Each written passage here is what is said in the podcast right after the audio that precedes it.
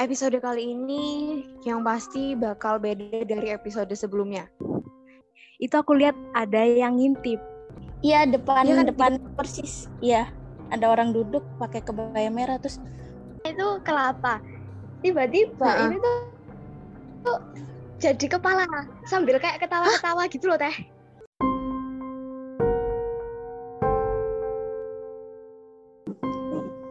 Hai Tiners, balik lagi yang pastinya di Tinta Biru. Episode kali ini yang pasti bakal beda dari episode sebelumnya. Kenapa? Kita di sini bakal bahas hantu. Tapi bukan yang suka ngeghosting ya. Dan yang pastinya Syara bakal bahas hantu ini nggak sendirian. Syara ditemenin sama aku Zepa Aku Hafiza. dan aku Zafira. ini bakal bahas yang serem-serem. Yang serem-serem tapi bukan mantan loh ya. Jadi, kalau dari kalian sendiri punya cerita serem apa nih guys? Em, aku dulu nih. Oke. Jadi waktu itu ini waktu zamannya masih SD ya. Jadi Mm-mm. kita tuh kan zamannya anak tuh masih sotoy banget kan, sok berani, sok sokan lah. Nah waktu itu eh, aku punya temen namanya sebut aja si Sasa. Si Sasa ini katanya bisa nih ngobrol sama yang nggak bisa kita lihat. Hah? Nah, habis itu kan aku anaknya kepo, terus aku nanya, emang kamu beneran bisa lihat kayak gitu? Terus dia bilang, bisa kok. Dan aku juga tahu kalau eh, di antara kita itu pasti ada temen yang ngikutin kita dari kecil. Hmm, Nah. hmm, hmm. Karena aku kepo banget, terus aku nanya, "Eh, aku pengen deh ngobrol sama dia yang yang katanya ja- jadi temen aku dari kecil. Terus temen aku bilang bisa, tapi eh, kayaknya dia nggak mau deh komunikasi sama kita. Terus aku tanya kenapa? Gitu. Gak tahu sih, pokoknya dia nggak mau. Tapi aku masih kekeh kan aku kayak cari berbagai cara buat ngobrol sama si dia ini. Sampai suatu ketika, waktu malam aku lagi nonton TV sama kakak aku. Terus entah itu sugesti atau apa ya, di ekor mataku itu aku lihat ada di sekat antara ruang TV sama dapur. Itu aku lihat ada yang ngintip. Dan itu apa ya? Kayak itu eh, bisa dibilang si tante kun tapi Tekun? anehnya dia iya dia nggak pakai baju putih Tapi warna apa emang? Aku waktu itu ingetnya ingetnya tuh kayak warna entah warna merah atau oranye nggak tahu deh lupa Ah, terus terus terus. dan sampai sekarang itu tuh kayak bener-bener yang paling ku inget banget sih entah itu aku salah lihat atau gimana nggak tahu udah sih Tapi itu pengalamanmu pertama kali apa emang dulunya udah pernah lihat nih? pertama kali sih pertama, kali itu Pertama kali. Kalau aku di tempat kerjaku ya, di tempat Gimana tuh, kerjaku itu di daerah Sudimoro. Pasti kalian gak asing kan sama Sudimoro. Ya. Nah itu di di daerah Sudimoro itu ternyata tempat kerjaku itu belakangnya itu tempat pembuangan mayat dulu, tempat pembuangan mayat. Terus aku kan nggak bisa lihat orangnya bener nggak bisa lihat tapi ada satu karyawan di situ kayak partner kerjaku itu dia itu bisa lihat dan saat itu dia lagi sholat nih di atas lagi sholat di atas tempatnya itu kayak apa ya singup apa sih bahasanya singup itu apa bahasanya singup Hmm, kayak ya kayak singup itu teh. Iya, eh, singup wes ya. Wes singup. Terus itu dia itu pas salam assalamualaikum warahmatullahi gitu. Lihat kanan toleh kiri. Udah gitu pas dia mau berdoa itu di telinganya dia yang bilang gini. Bilang gitu tahu. Aku langsung diceritain itu kayak oh my god kayak aduh wes mau sholat ya mikir-mikir tapi gimana kewajiban ya? Terus kalau dari yang lainnya nih ada cerita horor apa Aku ada nih teh, tapi ini lebih serem lagi deh kayaknya. Jadi traumanya tuh kerasanya sampai sekarang gitu. itu horornya bisa bikin jadi kamu trauma Iya, jadi ini kejadiannya di rumah sakit teh. Aduh. terus terus terus aduh. di rumah Jadi- saya udah kayak di film-film nih Iya, jadi awalnya tuh eh, ak- saudaraku sakit nih teh di rumah sakit. Iya. Terus eh, karena nggak ada kerabat yang bisa nunggu dia, akhirnya kerabat aku minta tolong aku nih nungguin dia. Nah, terus tengah malam saudara aku nih kebelet eh, kencing gitu teh ke kamar mandi kan. Nah, karena dia diinfus kan, auto aku harus bantu kan teh ya.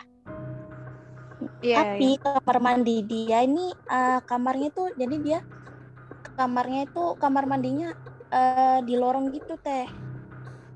Jadi harus keluar kamar, ke lorong, terus belok kanan gitu melewati kamar-kamar lain. Mm-mm.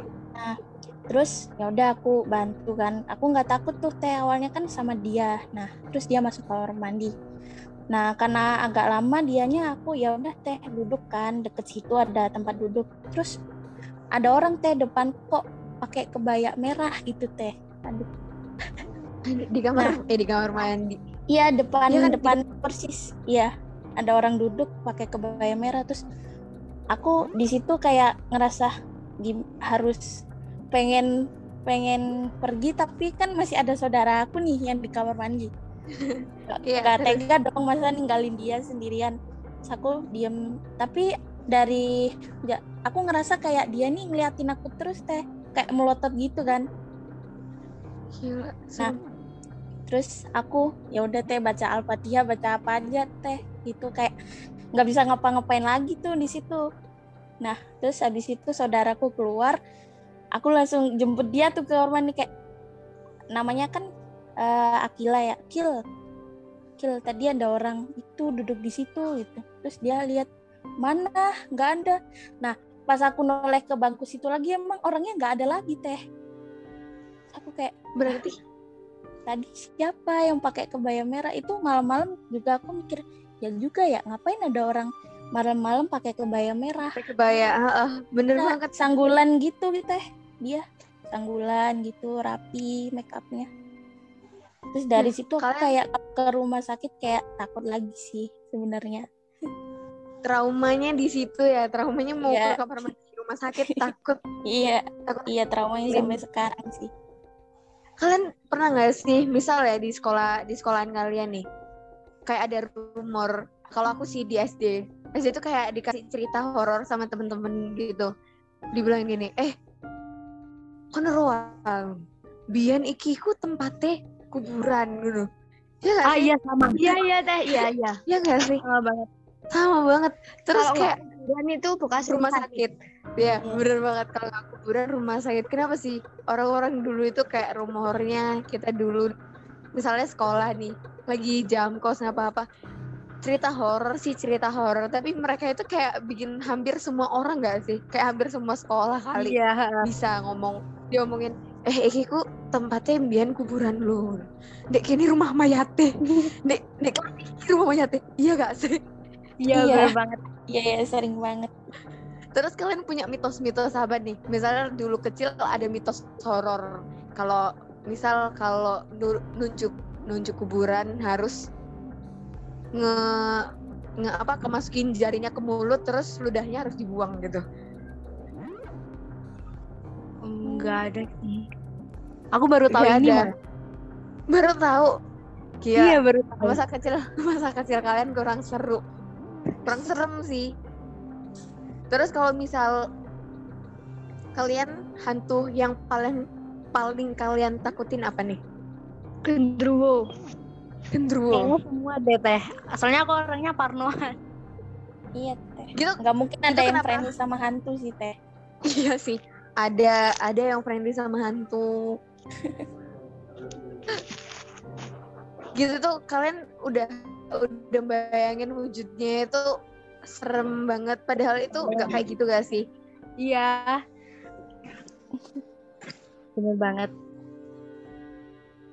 Tapi ya teh, Oh, mm-mm. kalau di sekolah aku dulu di SD sama SMP itu nggak tahu kenapa ya kayak sama gitu mitosnya. Jadi kalau misalnya ada kegiatan sekolah yang sampai sore banget atau ada kemah atau ada diklat-diklat gitu, itu tuh paling pantang mulai habis maghrib sampai malam tuh nggak boleh ke daerah belakang. Nggak tahu kenapa.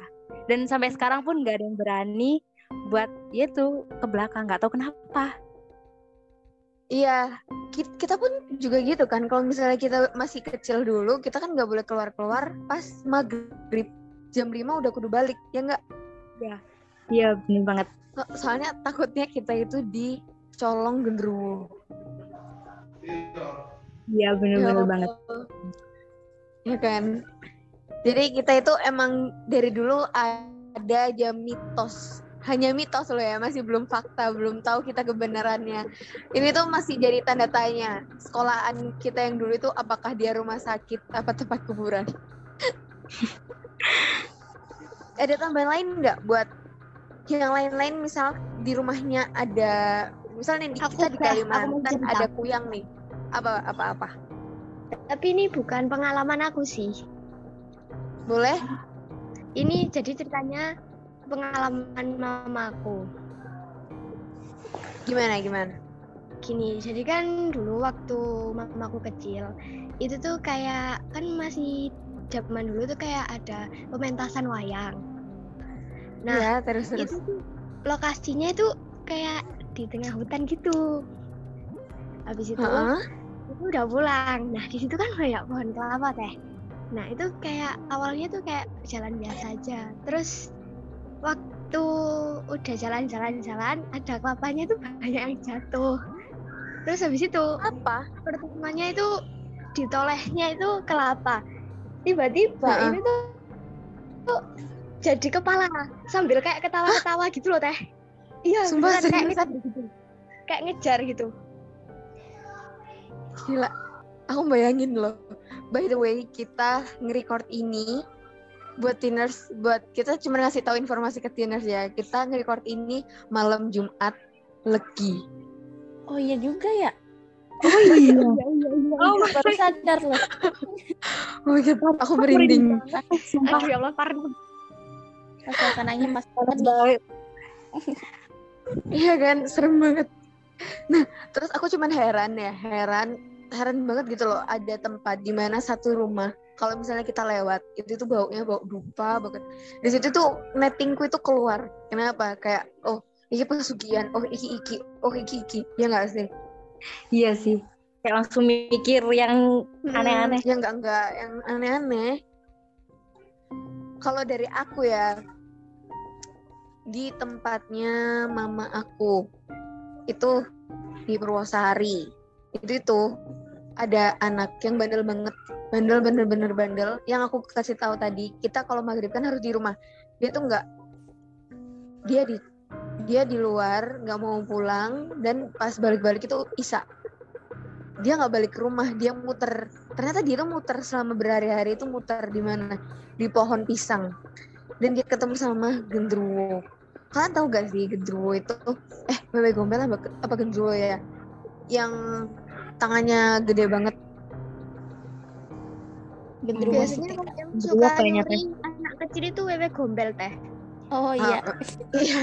Bebek gombel. Ya itu dia ternyata diambil bebek gombel untuk dia disesatin gitu loh. Jadi dia muter-muternya di pohon pisang itu. Nah dan udah gitu udah semalam nggak pulang orang orang kampung sana kan pasti kayak tahu nih paham dia kayak kamu tahu nggak yang misalnya kita kalau kebakaran kayak ada tuk tuk tuk tuk tuk itu loh yang dari bambu yang buat dipukul-pukul Itu apa namanya? apa tuh kayak kentongan gitu nggak sih teh? Ya, kentongan. Kentongan Ya, itu bambu. Kentongan itu. Hmm, kentongan itu. Semua orang keliling kampung nganuin kentongan itu, ternyata habis subuh dia keluar dong. Dia keluar. Kalian tahu di mana? dia udah nyangsang di pohon pohon pisang itu dan di bawahnya itu udah ada kerbau sama tai-tainya. Kok jadinya nggak serem ya? Antara serem sama gimana ya Teh? Iya, serem sama nah kak lucu juga ngakak. Ya udah Iya, jadinya gitu. tegang-tegang banget sih. Nah, sebelum kita nutup podcast ini, kayak aku ada nih pesan buat teener semuanya. Kita itu secara nggak langsung itu emang emang berdampingan hidupnya sama orang yang nggak terlihat itu, makhluk yang nggak terlihat itu. Tapi seenggaknya kita itu punya apa ya? Kita tuh harus sopan gitu loh. Kayak kita ya harus tetap menjaga menjaga kelakuan kita, kita meskipun ke mana-mana misalnya ke tempat apa ke tempat sepi apa-apa ngomongnya dijaga ke gunung pun juga gitu kan? Harus iya. intinya kalian Iya. harus sopan di mana pun dan kapan pun. Jangan lupa berdoa sama salam. Kalau dari kalian sendiri ada pesan-pesan apa nih buat pinners? Ya sama sih teh, ya biar lebih sopan aja, jangan jadi anak yang sotoy banget. Apalagi kalau di gunung ya sotoy bisa Itu mulutnya pulang sih ya? jaga banget sih. Harus banyak Jaga berdoa. Mulutnya dijaga juga, omongannya udah semuanya deh. Ya, denger ya, Tiners. Jadi, ini episode yang pastinya episode pertama horor ya di Tinta Biru. Iya. Ya, kita nggak bisa lama-lama, soalnya bentar lagi ini mau sahur. Kita harus sahur dulu. Oke, jadi buat teman-teman Tiners, makasih udah dengerin podcast kita. Dan terima kasih dari Syara. dari Zeva Dari Hafiza, Dan dari aku Zafira, Dan jangan lupa buat teman-teman harus wajib banget nonton Tinta Biru episode selanjutnya. Dan kita waktunya buat pamit. Thank you. Bye-bye. bye. bye.